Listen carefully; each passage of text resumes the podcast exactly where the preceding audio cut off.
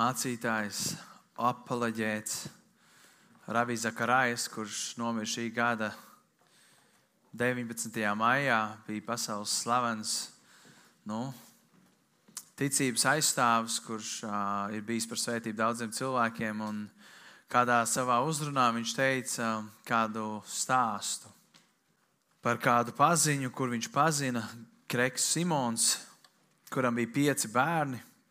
Vecākiem bija 12 gadi, un viņi sauca Makpatriks. Jaunākiem bērnam bija tikai daži mēnesīši. Kā dienas šis tētis ar saviem četriem vecākiem bērniem devās aplūkot jaunie, jaunopirkto īpašumu tālu prom no pilsētas, kalnos, un māma ar mazāko bērniņu palika mājās. Vēl kopā ar šo kreigu un četriem dēliem brauca kreiga draugs, kurš arī brauca ar savu dēlu kopā septiņi cilvēki. Kad viņi bija nonākuši šajā īpašumā, viņi apskatījās, un tad vecākais dēls Makpatriks teica, tēt, tēt, vai mēs varam aiziet apskatīties to ūdenskritumu, to lielo ūdenskritumu, kas ir tur tālāk aiz, mājas. Un tēvs teica, jā, labi, iesim. Un kad viņi bija nonākuši līdz šim ūdenskritumam, tēvs teica, stop, tālāk mēs neiesim. Es viens pats vispirms aiziešu un apskatīšos, cik tālu mēs varam iet, cik tālu ir droši iet, un pēc tam mēs iesim visi kopā. Un šis tēvs gāja un skatījās, un viņš spēra vienu soli pa tālu. Viņš pārkrita pāri malai un krita vairāk kā 400 metru augstumu. Un, protams, nositās savu dēlu priekšā, savu draugu un otru dēlu priekšā. Tēvs, kurš tajā laikā bija 41 gadu vecs un ar pieciem bērniem. bērniem. Vēlāk šis 12-gadīgais puika Makpatriks rakstīja vēstuli tēva labiem draugiem Vīlanda ģimenei. Un šajā vēstulē viņš raksta tā, un es to vēstuli nolasīšu. Mīļie Vīlandi, jūs nevarat iedomāties, cik daudz jūs palīdzējat mūsu ģimenei, veidojot manu tēvu. Viņš ļoti cienīja jūsu vīru un jūs. Viņš daudz runāja par jūsu ticību uz Dievu. Viņš centās būt tikpat devīgs, cik jūs bijāt devīgi savai draudzēji Dievam. Kopš tēta nāves ir atklājušies, kuri ir īstie draugi. Jūs esat mūsu saraksta augšgalā. Jūs dodat cerību un spēku manai mammai un arī man. Mans tēvs jūs ļoti mīlēja un vienmēr centās būt kā jūs. Mans tēvs bija kā viens no tiem vīriem Bībelē, kam tika doti talenti. Viens saņēma un aizgāja un investēja un sapelnīja vēl. Arī otrs. Bet trešais kalps aizgāja un noraksta savus talantus. Un, kad atnāca kungs, visi kalpi sāka norēķinu. Un tas kungs bija apmierināts ar pirmiem diviem, bet uz trešo viņam nebija labs prāts, jo šis kalps pat nemēģināja pavairot savu talantu. Mans tēvs mēģināja un pavairoja. Nerēt arī zaudēja bet viņš vienmēr centās darīt to, kas ir dievam tīkami. Un liela daļa no tā viņš iemācījās no jums, Vīlens kundze. Mans teicis, nebaidies riskēt, tāds viņš bija. Pirmā mūzes viens, viens ir teikts, iesākumā bija Dievs. Un Dievs bija mana tēta vissvarīgākā lieta dzīvē. Viņš daudz riskēja, jo viņš uzticējās Dievam. Viņš bija tik brīnišķīgs un veiksmīgs, Un neviens nesapratīs, kā un kāpēc mans tētis iekrita ūdenskritumā. Un es lūdzu, pat necentieties domāt, jo mans tēvs nomira savu bērnu dēļ. Viņš tikai gribēja paskatīties, vai tas bija droši. Arī mums bija tuvāk ūdenskritumam. Jūs varbūt dzirdēsiet dažādus stāstus un versijas, bet tikai mēs, seši cilvēki, to redzējām. Un tikai trīs to bija spējīgi saprast kas tur notika. Un es esmu viens no viņiem. Mana mamma pazaudēja savu dārgumu un vīru. Citi vienkārši pazaudēja krēgu. Jūs esat pazaudējuši savu labāko draugu. Mana omīte un opīts pazaudēja savu dēlu. Džons un Barbara pazaudēja savu brāli. Bet Vīlāns kundze, man tas ir pavisam savādāk. Pavisam savādāk. Man viņš bija labākais draugs, mans varonis. Un, kad es pēdējo reizi viņu redzēju krītam lejā ūdenskritumu, es pazaudēju savu visdārgāko cilvēku uz zemes. Viņš bija mans tēvs un mans vienīgais tētis. Trīs dienas atpakaļ man bija sapnis par nakti. Tas nebija tikai sapnis, kur es zinu, ka tētim tagad viss ir labi, bet viņš pats pienāca un man teica, ka viņam viss ir kārtībā. Paldies, ka bijāt manam tētim, un tagad arī mums patiesa draugs. Es jūs ļoti mīlu, Makpatriks. 12 gadīgs puika.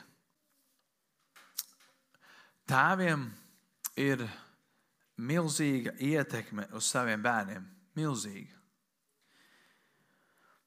Un tas, ko Sātans jau kopš seniem laikiem ir centies darīt, ir, un īpaši pēdējos laikos, ir nonicināt tēvu lomu ģimenē. Atņemt to, kam Dievs Tēvs ir radījis, būt saviem bērniem par varoņiem, par etaloniem, kam sekot, no kuriem mācīties Un es domāju, nereti mēs esam dzirdējuši, kad um, mazais puika, bērns, kurš vēl ir maziņš vai meitenīte, viens no biežākajiem vārdiem, ko viņi dzirdēs, ir tēt, tēt, paskaties, tēt, tēt, skaties. Tā ir viena no lietām, ko es ļoti bieži vien dzirdu sētā, esot ar puikām ārā. Tēt, tēt, paskaties, tēt, tēt, paskaties. Viņiem ir ļoti svarīgi, kad viņi tiek ieraudzīti un novērtēti. Un sātans, sātans šo lomu, vīriešu lomu sabiedrībā cenšas nonicināt, vīriešu lomu ģimenē cenšas nonicināt, vīriešu lomu pasaulē cenšas nonicināt. Un ir tāds teiciens, ka vīrieši ir palikuši kā lupats. Un, un ir kāda mācītāja sieva, kur teica tā, ja no zooloģiskā dārza izbēgtu lauva, kas būtu vīriešu un tēva ēdāji, viņi nomirtu badā jo viņi nespēja atrast patiesus vīriešus un īstus tēvus. Es nevēlos aizstāvēt vīru šajā brīdī vai vainot sātanu, jo savā ziņā tā ir katra mūsu, mana kā tēva vai mūsu kā vīra atbildība būt par vīru, kas Dievam ir tīkams. Un vēl jau vairāk apzinoties to feminismu, kas nāk iekšā pasaulē, kur vīrietis tiek vairāk un vairāk nonicināts, un šī atbildība tiek ņemta projām. Un mēs esam situācijā, kur mums ir izteikts trūkums pēc vīriešiem, par kuriem Bībelē runā, kādiem būtu jābūt vīriešiem, par vīriešiem, kurus mēs lasām Bībelē. Un man kā mācītājam ļoti grūti par to runāt, jo, ja es būtu sieviete, man būtu ļoti viegli runāt par to, kādi ir vīri un vīrieši. Bet Arī man personīgi vēl ir ļoti daudz jauka šajā lietā, lai es būtu tāds vīrs un tēvs, kā Dievs vēlas, lai es būtu. Man Patriks zaudēja savu vienīgo tēti. Un iespējams, daudzi, jeb kādu no jums arī esat zaudējuši savus tēvus. Daudziem, kuriem jums ir bijis tēvs, jūs, varbūt varētu teikt, ka viņš nav devis jums to, kas jums bija nepieciešams šī identitātes sajūta, piederības sajūta un vieta, ka tu zini, kur tu esi. Un šorīt vēlos runāt par to, kādiem būtu jābūt tēviem.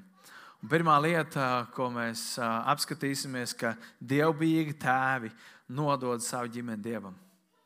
Dievbijīgi tēvi nodod savu ģimeni dievam. Pats vērtīgākais, ko Dievs var dot savai ģimenei, ir nevis finanses, Nevis labklājība, nevis ēdienas galdā vai drēbes, ko ģērbt, vai skola, kas tiek apmaksāta, vai kas cits, bet pats vērtīgākais ir, kad vīrs var nodot savu ģimeni dievam. Mēs lasīsim no Jozo grāmatas 24. nodaļas 14. un 15. pāntu. Jozo 24, 14 un 15. Un mēs lasām, un nu, bīstaties to kungu un kalpojiet viņam patiesībā un mīlestībā. Un atmetiet tos dievus, kuriem jūsu tēvi viņpus Eifratas upes un Eģiptē bija kalpojuši, un kalpojiet tam kungam. Bet, ja jums nepatiks tam kungam kalpot, tad izvēlieties šodien paši sev, kam jūs kalposit. Vai tiem dieviem, kuru jūs tēvi ir kalpojuši viņpus Eifratas upes, vai tiem amoriešu dieviem, kuru zemē jūs dzīvojat. Bet es un mans nams, mēs kalposim tam kungam. Es jums gribu iedot nedaudz kontekstu šai Jozo grāmatas pēdējai nodaļai. Pirmajos 13 pantos šajā grāmatā mēs lasām par to, kur tiek uzskaitīts par to, kā Dievs ir gādājis un rūpējies, gādājis un rūpējies un devis visu, kas ir nepieciešams Izraēla tautai. Viņš vienkārši parādīja, cik Dievs bija uzticams, kaut arī tauta bija neusticama. Cik Dievs bija uzticams, ejot cauri tūkstnesim, kā Dievs viņus baroja un rūpējās un deva ūdeni tūkstnesī. Un kā viņš pasargāja un iekaroja, izkaroja kārus viņu vietām. Un tad sekot šis 14. un 15. 15. pāns, kur parāda to, ka neskatoties uz Dieva rūpēm, viņš saka, jūsu tēvi un tēva tēvi ir atstājuši vienīgo Dievu un pagriezušies, ja pievērsušies Izrē, šiem elku dieviem. Un tad viņš saka, Jozo, viņš saka, šodien, draugi, šodien izdariet izvēli, kam jūs kalposiet. Dievam vai elku kalpiem. Dievam vai visam tam, ko saka sabiedrība, dievam vai visam tam, ko saka kultūra, dievam vai tam, ko saka citi, tavi kolēģi vai draugi. Izvēlieties šodien, kam jūs kalposiet. Kad Jozo runāja šajā raksta vietā uz tautu, tad tie, tie bija vīri, uz kuriem viņš runāja. Viņš neteica vīru un sievas, sanāciet kopā uz tādu mazu ģimenes koncīliju un vai nu uz kām strīmām, kā mēs sakām, vai lozes kārtībā, vai kurš stiprāk uzsitīs skolā galdā, vienojieties par kaut ko. Viņš saka, vīri, izdariet izvēli. Ko tu un ko tava ģimene, ko jūs darīsiet? Bet šodien. Nevis tā, ka mēs vēl padomāsim, paskatīsimies, kā lietas ievirzīsies, paskatīsimies, kā Dievs rūpēsies par mums. Nē, Dievs sev ir pierādījis. Viņš lasa 13, pirmos 13 pāns. Viņš saka, kas tev vēl nav skaidrs. Pēc tam 13 pāntiem visām noliektām galvenajām varēja atzīt un teikt, jā, Dievs ir gādājis un rūpējis par mums. Viņš saka, bet šodien jums ir jāizdara izvēle. Viņš saka, jūs zināt, ka Dievs ir gādājis, bet kaut kas neiet tā, kā jābūt. Izdariet izvēli šodien. Tas 15. pāns, ja mēs redzam uz ekrāniem, atsevišķi arī, bet es un mans nams mēs kalposim tam kungam. Tā ir kā tava kā tēva atbildība. Tava kā tēva atbildība. Pirmkārt, izdarīt izvēli priekš sevis, kam tu ticēsi, kam tu kalpos un kam par godu tu dzīvosi. Un otrkārt, izdarīt izvēli priekš tavas ģimenes, kam ticēs tava ģimene, kam kalpos tava ģimene un kam par godu dzīvos tava ģimene. Šīs tās lietas, kas ir uzticēts vīram, viss sākas, viss turpinās un viss noslēdzas ar tēva lēmumu. Līdz ar to vispirms priekš tēva tas sākās par to, saprast priekš sevis, ko tu izdarīsi, kāda būs tava izvēle. Vai tas būs kungu kungs un ķēniņš, ķēniņš Jēzus Kristus, kuram tu kalpos, vai tas būs kaut kas cits, vienalga, kas tas būtu. Jozovā mēs lasām, viņš ļoti skaidri izdarīja savu izvēli. Viņš tāpēc droši varēja pateikt, es zinu, es un mans nams, tas ir mana sieva un mani bērni un manas kalpones. Mēs kalposim tam kungam. Un, protams, es domāju, kurā brīdī mēs esam aizgājuši projām no tā, ka tad, kad ja mēs lasām jauno derību, šis stāsts no vecās derības, bet īpaši vecā darbā, bet arī jaunā darbā mēs redzam to, ka tad, kad tēvs uzticēja dzīvi Jēzum Kristum, tad, kad tēvs kļuva ticīgs, gandrīz vai automātiski visa ģimene kļuva ticīga. Viņi pieņēma to, kam tēvs ticēja. Tāda bija autoritāte un loma tēvam kādus pāris tūkstošus gadus atpakaļ. Taču šodien visiem ir savas tiesības. Pat bērniem kurš ir tikko iemācījies runāt, pat viņam tiek potēts, ka viņam ir savas tiesības. Kaut kad vienīgās tiesības, kas viņam ir, ir paklausīt saviem vecākiem, bībeliski. Bet šodien viņam tiek dotas savas tiesības. Un mums vecākiem vairs nav tiesības audzināt savus bērnus tā, kā mēs vēlamies, vai tā, kā māca Bībele. Mums vairs nav. Valstiski viņas mums tiek atņemtas. Mūsu bērniem jau no mazām dienām tiek potēts ļoti daudz kas iekšā. Kaut vai tas, ka viņš var izvēlēties savu dzimumu. Man dažreiz liekas, vajadzētu viņai aiz ausīm pievest pliks pie spoguļa un paskatīties, paskatīties zem gurniem sev un ieraudzīs, kas tu esi. Bet šodien cilvēki tā nejūtās. Un, ja meitenīte jūtās par puisīti, tad viņa var būt puisīte šodien. Tas ir tas, cik tālu mēs esam aizgājuši, kad mums pat vairs nav tiesību. Un tas viss ir tikai sēks no tā, par ko Dievs runāja Romiešu vēstulē. Par to un par to, ko mēs tikko runājam, pirmajos 13 pantos. Ja mēs esam izdarījuši izvēli, ka mēs nesakosim tam kungam un mēs neatzīsim Dievu kā Dievu, tad tur ir rakstīts, ka Dievs viņus nodod briesmīgās iekārēs un briesmīgos grēkos, ka vīrieši piekopa netiklību ar vīriešiem un sievietes ar sievietēm. Tās ir sekas kam? Tā nav slimība. Tas ir sekas grēkam. Un par to mēs negribam runāt. Tas ir tikai un vienīgi sekas grēkam. Jozo grāmata teica, Jozo teica, izvēlieties. Un tās ģimenes, kuras izvēlas neatzīt Dievu kā savu kungu un glābēju, tur notiek visas šīs lietas. Tavs kā tēva uzdevums ir izvēlēties priekš sevis un priekš ģimenes. Es jums iedošu vienu slaidu uz ekrāna. Ģimenei ir 3,5% iespējas ka tā tiks pestīta, jeb glābta, ja bērns būs tas pir pirmais, kurš atgriezīsies. Ja, respektīvi, ja bērns kļūs par kristieti un sāks ticēt Dievam, ir 3,5% iespējamība, ka ģimene arī atgriezīsies. Ja mamma, sieva kļūs ticīga, tad tie ir 17%, ka ģimene tiks atgriezta. Ja pirmais ģimene atgriežas vīrs, cik procenti? 93. Protams, viņš vārstās plus mīnus bet jūs sapratāt svāru. Kāds svars ir tam, ka tēvs ir ticīgs ģimenei? Milzīgs. Kāda atbildība tas iedod? Un tāpēc es varu pateikt vienu lietu. Mūsu draudzes kontekstā, vai citu draugu kontekstā, vai pasaules kontekstā, ko es esmu pamanījis.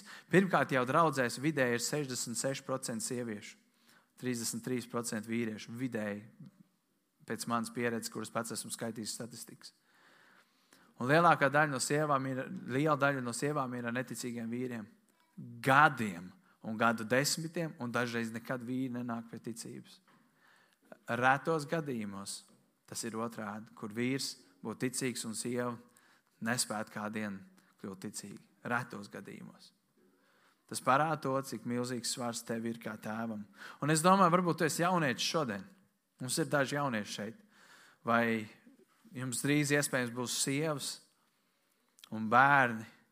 Es gribu, lai tu jau no jauniešu vecuma dzirdi un zini, ka tev jau ir iedot liela atbildība.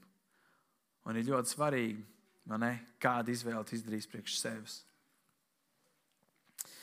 Pirmkārt, tā ir tava atbildība lūgt par sevi, lūgt par savu sievu, lūgt par saviem bērniem, un, ja Dievs tev ir devis, tad lūgt arī par saviem mazbērniem. Mēs lasīsim tagad no 5. mūzes grāmatas, 6. nodaļas, no 4. līdz 9. pantam. 5. mūzes, 6. nodaļa, no 4 līdz 9. Tur ir rakstīts, klausies, Izraēl! Tas kungs, mūsu dievs, ir vienīgais kungs, un tev būs to kungu, savu dievu mīlēt no visas savas sirds, no visas savas dvēseles un ar visu savu spēku Un lai šie vārdi, ko es tev šodien pavēlu, tev paliek ierakstīti tavā sirdī. Un tagad klausieties. Un atgādini to saviem bērniem, runā to sēžot savā namā un pa ceļu ejot, guļoties un ceļoties. Un sien tos kā zīmi uz savas rokas, un liec par zīmi starp acīm uz pieres, un raksti tos un liec pie sava nama durvju stabiem un pie saviem vārtiem. Tēvi, tas ir tavs primārais uzdevums priekš taviem bērniem.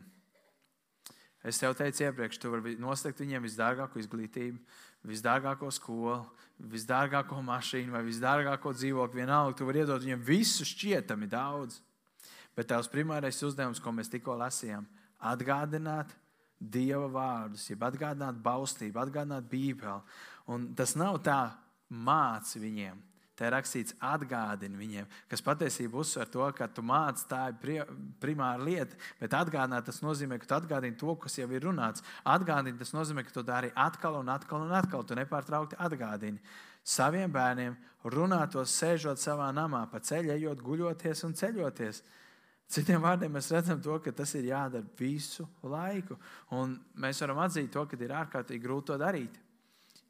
Jo redziet, mēs būtu labi vecāki, ja mums atnāk prātā tāds notifikācija, ja paziņojums, Tūlīt tās divi bērni sastrīdēsies par tādu, tādu tēmu, un tev būtu piemēram 30 sekundes dot, sagatavoties. Tā, tūlīt tas būs, tūlīt, jā, es jau jūtu, jau jūtu, tā, tu aiztais acis savus ciet, un tagad tā, to rakstiet, un to rakstiet. Un kā tas notiek, bērni, tu uzreiz apsēdi, tā nenotiek. Bieži vien tu tiec noķerts vis tādā nesagatavotā brīdī. Un šeit ir rakstīts māci runāt tos sēžot savā namā pa ceļējot. Tas nozīmē visu laiku, ka tu esi kustībā, guļoties un ceļoties un vispārējais raksti, siena un lietas, durvis stabos pie vārtiem un tā tālāk. Tas ir mūsu uzdevums. Protams, arī mamām ir jānāk palīdzīgā šajā lietā un jāpalīdz, bet primāri mācīt Dievu vārdu, tas ir tēva uzdevums. Un tas nav arī svētdienas skolas uzdevums. Nedomājiet to, ka viena stunda svētdienā spēja atsvērt tās entās stundas, ko bērns ir pavadījis pie viedierīcēm, skatoties vai pavadot laiku kopā ar neticīgiem draugiem, kur, kuriem netiek mācīts bībliskas vērtības. Nedomāju, ka tā viena stunda svētdienā varēs izmainīt viņu dzīvi. Vai nedomāju, ka tās divas stundas atnākot uz jauniešu vakaru spēs atsvērt pārējo. Es esmu pamanījis to, ka tās divas stundas jauniešu vakarā ir tāds piliens jūrā pie vis tā pārējā laika, viņš pavada ar saviem neticīgiem draugiem. Un tomēr tas piliens kopā ar lūgšanām un dieva žēlstību ir pietiekoši, lai tas bērns nāk pie ticības. Bet tā ir dieva žēlstība. Tad, tad dievbijīgi tēvi nodod savu ģimeni dievam. Otra lieta. Dievbijīgi tēvi disciplinē tos, ko viņi mīl. Daudzreiz, tad, kad vecāks dzird vārdu disciplīna, vai rīkste, vai, vai kāds savādāk, tad bieži vien sagriežas vēders, un mēs par to negribam nedzirdēt, nerunāt. Un kādiem tā liekas vardarbība, un tas pat šodien tiek runāts un mācīts, ka tā ir vardarbība. Un man no vienas puses neizbrīna, ja neticīgi cilvēki tā domā. Bet problēma ir arī tur, ka ticīgiem cilvēkiem tas sagādā problēmas. Un nereti cilvēki tagad domā, to mēs tev tik un tā nepiekrītam. Par pārmācību un rīks es tev vienkārši nepiekrītu. Līdz ar to es gribu teikt, ka tā nav mana problēma, tā ir tava problēma. Jo tas iemesls, kāpēc tu nepiekrīti, nav saistīts ar mani. Tas ir saistīts ar to, kāpēc tu nevari pieņemt to, ko māca Bībele. Ja es būtu life coach vai kaut kāds padomdevējs, Tad jūs varētu piekrist vai nepiekrist. Bet tas, ko šorīt jums pastāstīšu, ja mācīšu, ja rādīšu, būs tas, ko vienkārši māca Bībele. Un tad, kad Dievs kaut ko saka, Viņš mums neprasa, ko mēs par to domājam. Vai kāds ir tavs domas? Dievs saka, es saku šā, bet ko tu par to saki? Dievs nekad tā nesaka. Kāpēc? Tāpēc, ka Bībelē ir rakstīts, jo stāv rakstīts. Ja stāv rakstīts, tas nav diskutējams. Ebrejiem 12. nodaļa. No 6. līdz 11. pantam mēs lasīsim ebrejiem 12, 6 līdz 11. Jo ko tas kungs mīl, to viņš pārmāca un šauš katru bērnu, ko viņš pieņem. Pacietiet pārmācību. Dievs izturas pret jums kā pret bērniem. Jo kur ir bērns, ko tēvs nepārmāca? Bet, ja jūs esat bez pārmācības, ko visi ir saņēmuši, tad jūs esat nelikumīgi bērni un ne īsti. Tad nu mums, mūsu mīsīgie tēvi, ir bijuši par pārmācītājiem, un mēs tos esam bijušies. Vai tad, lai mēs daudz vairāk nepaklausītu garu tēvam, lai dzīvotu? Jo tad, tad mīsīgie tēvi gan īsu laiku mūs ir pārmācījuši, kā tas viņiem šķita pareizi esam. Bet Dievs, lai nāktu tas mums par labu, lai mēs kļūtu viņa svētuma dalībnieki. Bet katra pārmācība tajā acu mirklī neliekas mums par prieku, bet par bēdām.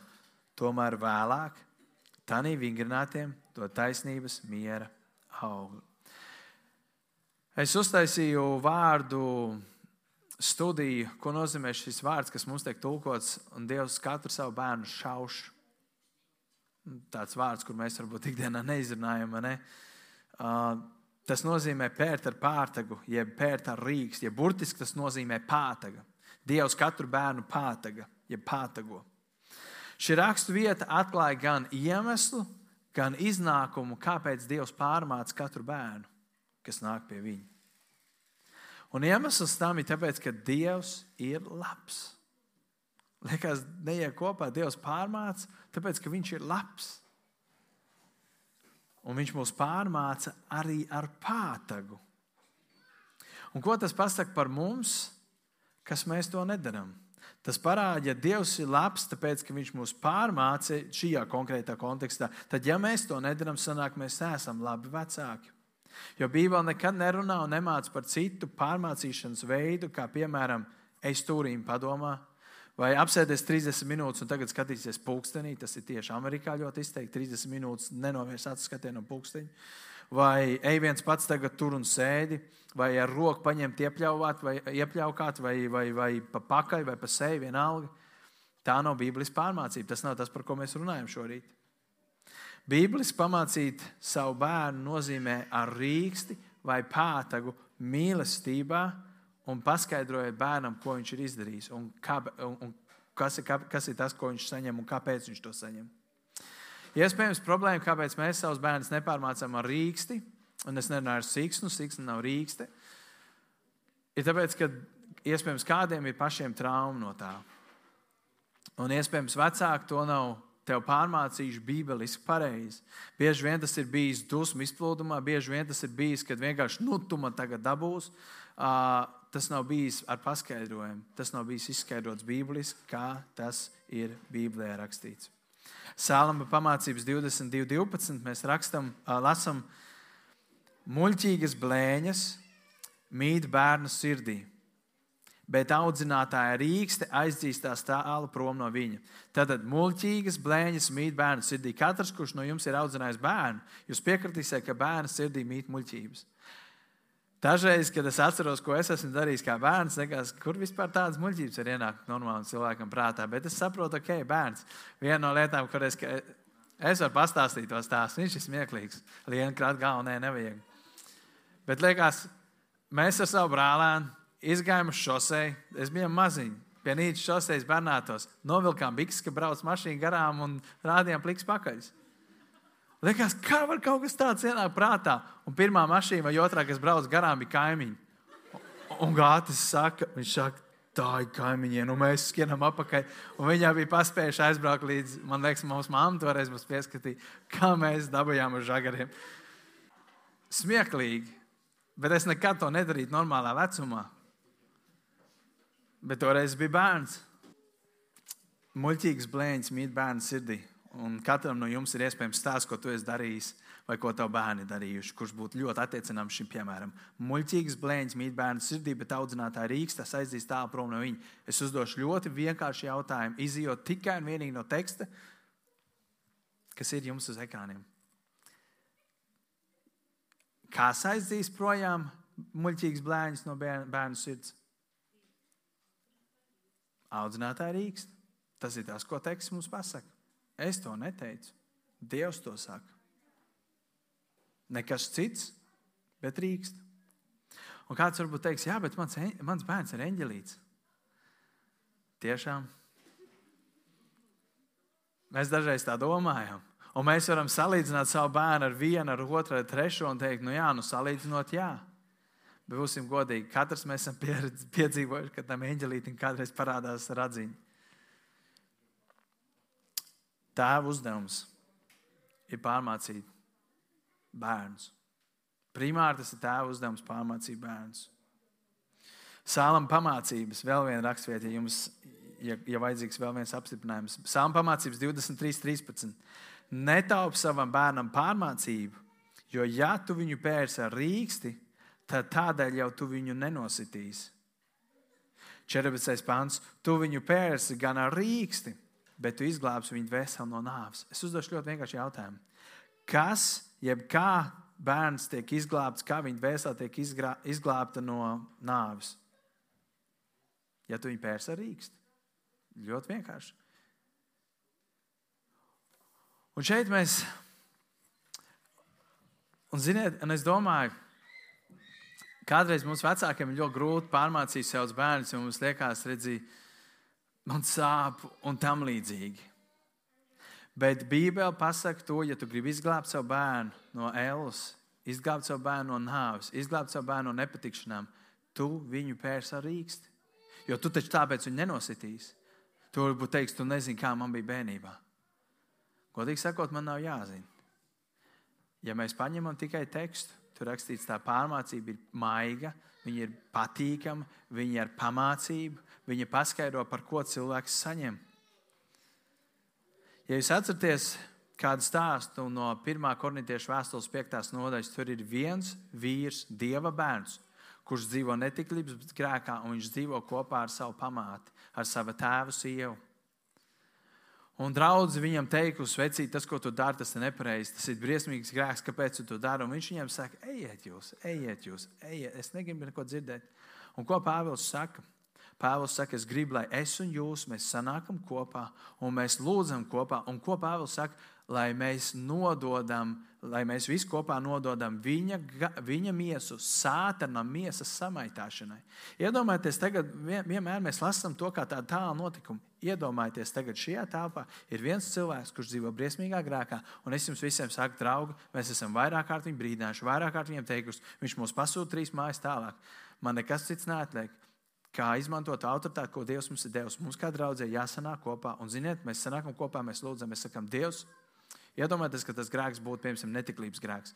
Dievs, mēs lūdzam, lai tu nodod šo cilvēku sātanam miesas samaitāšanai. Un pēkšņi viņam tiek uzsūtīts kaut kāds vēzis vai kaut kāds STS slimības, ka viņš vienkārši uzkrīt uz gultas, viņš vairs nevar pakustēties un neko izdarīt. Mēs teiktu, tas ir briesmīgi. Kurš tādas lietas cilvēkam uzsūtīt kaut ko virsū? Bet mēs esam tik tuvredzīgi, ka mēs neredzam to ilgtermiņa ieguvumu.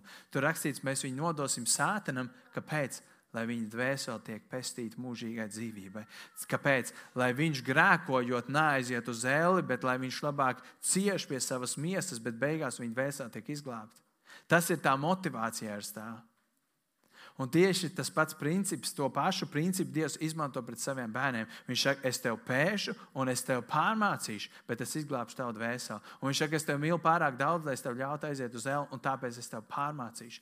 Un jūs, kas esat, esat kristieši, ilgāku laiku, jūs esat piedzīvojuši Dieva rīks pareizi, un viņi bijuši ļoti sāpīgi. Daudz no jums ir būtu labāk izvēlējušies tiešām fiziskus, desmit kārtīgus pātagu sitienus, nekā tās garīgās un emocionālās ciešanas, kurām jūs esat gājuši cauri mēnešiem un iespējams pat gadiem. Bet tad, kad jūs esat izgājuši cauri, ko jūs varat pateikt? Jūs varat pateikt to, kas ir rakstīts um, pašā pēdējā pāntā, kur mēs lasījām 11. Bet katra pārmācība tajā acu mirklī mums neliekas par prieku, bet par bēdām. Tomēr vēlāk. Tanī vingrinātiem dod taisnības miera augli. Miera auglis tevī, raksturs var tevī veidoties tad, kad Dievs tevi ir pārmācījis. Tu esi gājis cauri tām ciešanām, un tad, kad tu esi izgājis cauri, tu vari apķert to dievu rīkstu un pateikt, Dievs, paldies tev. Es tā varu pateikt par savu rīkstu. Es esmu dabūjis kārtīgu pērienu no Dieva. Kārtīgi, un es daudzkārt par to esmu runājis. Šodien, kad es esmu izgājis cauri tam, es varu pateikt Dievam, paldies, Dievs. Ja tu būtu man ļāvis dzīvot un būt tādam, kāds es biju, es nezinu, kāds būtu mans iznākums. Es nezinu, kur man dvēsele būtu aizgājusi. Bet tāpēc, ka Dievs man mīl, Viņš pateica, stop, tas nenotiks. Muļķīgs blēņas mīt bērnu sirdīs. Tēvi, tie ir jūsu uzdevumi. Tava primāra atbildība pārmācīt bērnu rīks, jo tu jau viņu tāpēc nenositīs. Es zinu, to, ka mēs tiešām esam un mūs var dzirdēt un teikt, ka tas ir tas, ko es sludinu tagad pret to, ko māca mūsu valsts. Un, ja kāds uzzinās, ka kāds, kāds bērns permanente, tas ir sodāms vai vēl kaut kas. Dieva vārds ir nemainīgs, viņš nekad nemainās. Un mums ir jāsludina Dieva vārds, lai nav ko tas maksātu. Cilvēki ir devuši savas dzīvības miljoniem, un mēs nekad nedrīkstam sagrozīt Dievu vārdu un nemācīt kaut ko, ja tas mums var kaut ko maksāt. Tas, kas notiek tagad Amerikā ar visu to covid un pārējo, daudz draugs tiek sklapēts, ciet un vajāts un darīts viss kaut kas, bet viņi neplāno apstāties. Tāpēc, ka viņi saka, ārēji faktori nevar ietekmēt to, kam mēs ticam. Tad dievbijīgi tēvi nodod savus ģimenes dievam, otrs dievbijīgi tēvu pārmāca savus bērnus, jeb disciplinē savus bērnus, un pēdējā lieta - dievbijīgi tēvu priecājas par saviem bērniem. Ja man būtu jānosauc viens iemesls, kāpēc Dievs radīja mūsu cilvēkus, tad tas būtu ļoti vienkārši. Jo Viņš vienkārši gribēja priecāties par mums. Tur rakstīts, mēs esam radīti Dievu godam, Dievu priekam. Viņš vienkārši ir priecīgs mūs vērot. Ja jūs gribat pārbaudīt, vai tas tā ir vai tas tā nav, paskatieties vakarā, kad jūsu bērni ir iegājuši gulēt, un jūs ejat piekārtot sēklu vai kaut ko, cik mīļi viņi guļ. Tu esi priecīgs. Kaut vai pirms tam tur, viņš ir iegājis raudādams gulēt, un tu viņus nevarēsi dabūt, tāpēc, ka rīt skoli, bet tajā brīdī, kad viņš ir mierīgs, viņš guļ. Pēkšņi tu aizmirsti pilnīgi visu, ko viņš ir darījis, un tu viņu mīli. Tu vienkārši priecājies. Un tieši tāpat tās Dievs priecājas. Mēs bērnus varam dzemdēt dažādu iemeslu dēļ, bet mums, ja dievbijīgi tēvs sirds priecājas par saviem bērniem. 1. Jāņa 3.1 ir rakstīts, redziet, kādu mīlestību Tēvs uz mums ir parādījis, Dievs uz mums ir parādījis, ka mēs tiekam saukti par Dieva bērniem. Dievs mīl mūs un priecājas par mums. Un, ja Dievs mīl mūs un priecājas par mums, tad kā lai mēs nemīlam un nepriecājamies par saviem bērniem? Cik ļoti Dievs mūs mīl, ka Viņš atdeva savu dēlu Jēzu Kristu? Vai tavs bērns zina, cik ļoti tu viņu mīli. Vai tavs bērns ir dzirdējis no tevis, ka tu viņu mīli? Un, un šī nav tā reize, kur tu varēsi teikt, zini, es vienreiz pateicu, ja kas mainīsies, es darīšu par to zinām. Šī nav tā reize. Un cik reizes, un tagad, un tagad pārsteidzieties uz to, ka tu esi Dieva bērns un Dievs ir tavs tēvs, cik reizes tu esi gribējis dzirdēt, ka tēvs tevi mīl ka Dievs tevi mīl. Cik reizes tu gribēji dzirdēt to? Vai tev ir pieticis, ka Dievs tev ir pateicis, es tevi mīlu? Vienreiz kaut kad 1997. gadā? O, jā, es atceros toreiz, 23 gadus atpakaļ, Dievs man teica, viņš man mīl. Man ar to pietiek. Nē, esmu nevienu cilvēku vēl dzīves saticis tādu. Cilvēkiem nepārtraukti vajadzīgs šis mīlestības apliecinājums, kad Dievs tevi mīl. Es esmu vairāk ar Dievu un pat prasījis, Dievs, lūdzu, parādi, ka tu man mīli. Kaut arī es zinu, ka Bībelē rakstīts, ka Viņš man mīl, bet mums ir vajadzīgs šis apstiprinājums. Un tieši tāpat mūsu bērniem, taviem bērniem, ir nepieciešams dzirdēt un just un zināt, ka tu viņu mīli. Mēs ar Lienu mums ir bijuši ik pa laikam sarunas ar jauniešiem. Un nereti ir bijušas sarunas, kurās vec, eh, jaunieši ir pateikuši, ka viņi nejūtās savu vecāku mīlēti, ka viņi nejūtās, ka vecāki viņi it kā apzinās, ka viņi mīl. Es paskatos uz viņiem, un es varu teikt, jā, viņiem ir jaunākais telefons un labas drēbes, un it kā viņiem nekas netrūks. Bet ar asarām acīs un puņķodām viņi saka, ka viņi nejūtās novērtēti, nejūtās vajadzīgi, nejūtās mīlēti no savas tēta vai savas mammas. Tāpēc vecāki es gribu aicināt, tēvs, es gribu aicināt šajā brīdī, jeb rītā, ka jūs ejiet un pasakiet saviem bērniem šos dažus vārdus. Un kādai no jums varbūt liksies zem atveries. Bet bērniem iespējams tas var būt gada labākais notikums. Tas būs, kad viņam teiks, kas ir labākais noticis. Viņš pateiks, mans tēvs, mana mamma. Viņa pateica, ka viņa man mīl. Un šie vārdi ir: Es tevi mīlu vai iet un pateikt saviem bērniem, bērns, vai dēls, vai meita, es ar tevi lepojos, vai es priecājos par tevi. Dievbijīgi tēvi nodod savus ģimenes dievam, dievbijīgi tēvi disciplinē savus bērnus, un dievbijīgi tēvi priecājas par saviem bērniem. Un pēdējā lieta, ko es gribu pašā noslēgumā pateikt, ir tas, ka Dievs ir mūsu tēvs, un Viņš mūs ļoti mīl. Viņš priecājas par saviem bērniem, Viņš priecājas par katru bērnu, kur viņš ir tev devis, kur Dievs jau bija ieplānojis pirms pasaules radīšanas. Un Dievs ir redzējis, kā labu esam dot tev bērnu, dot tev dēlu, dot tev meitu.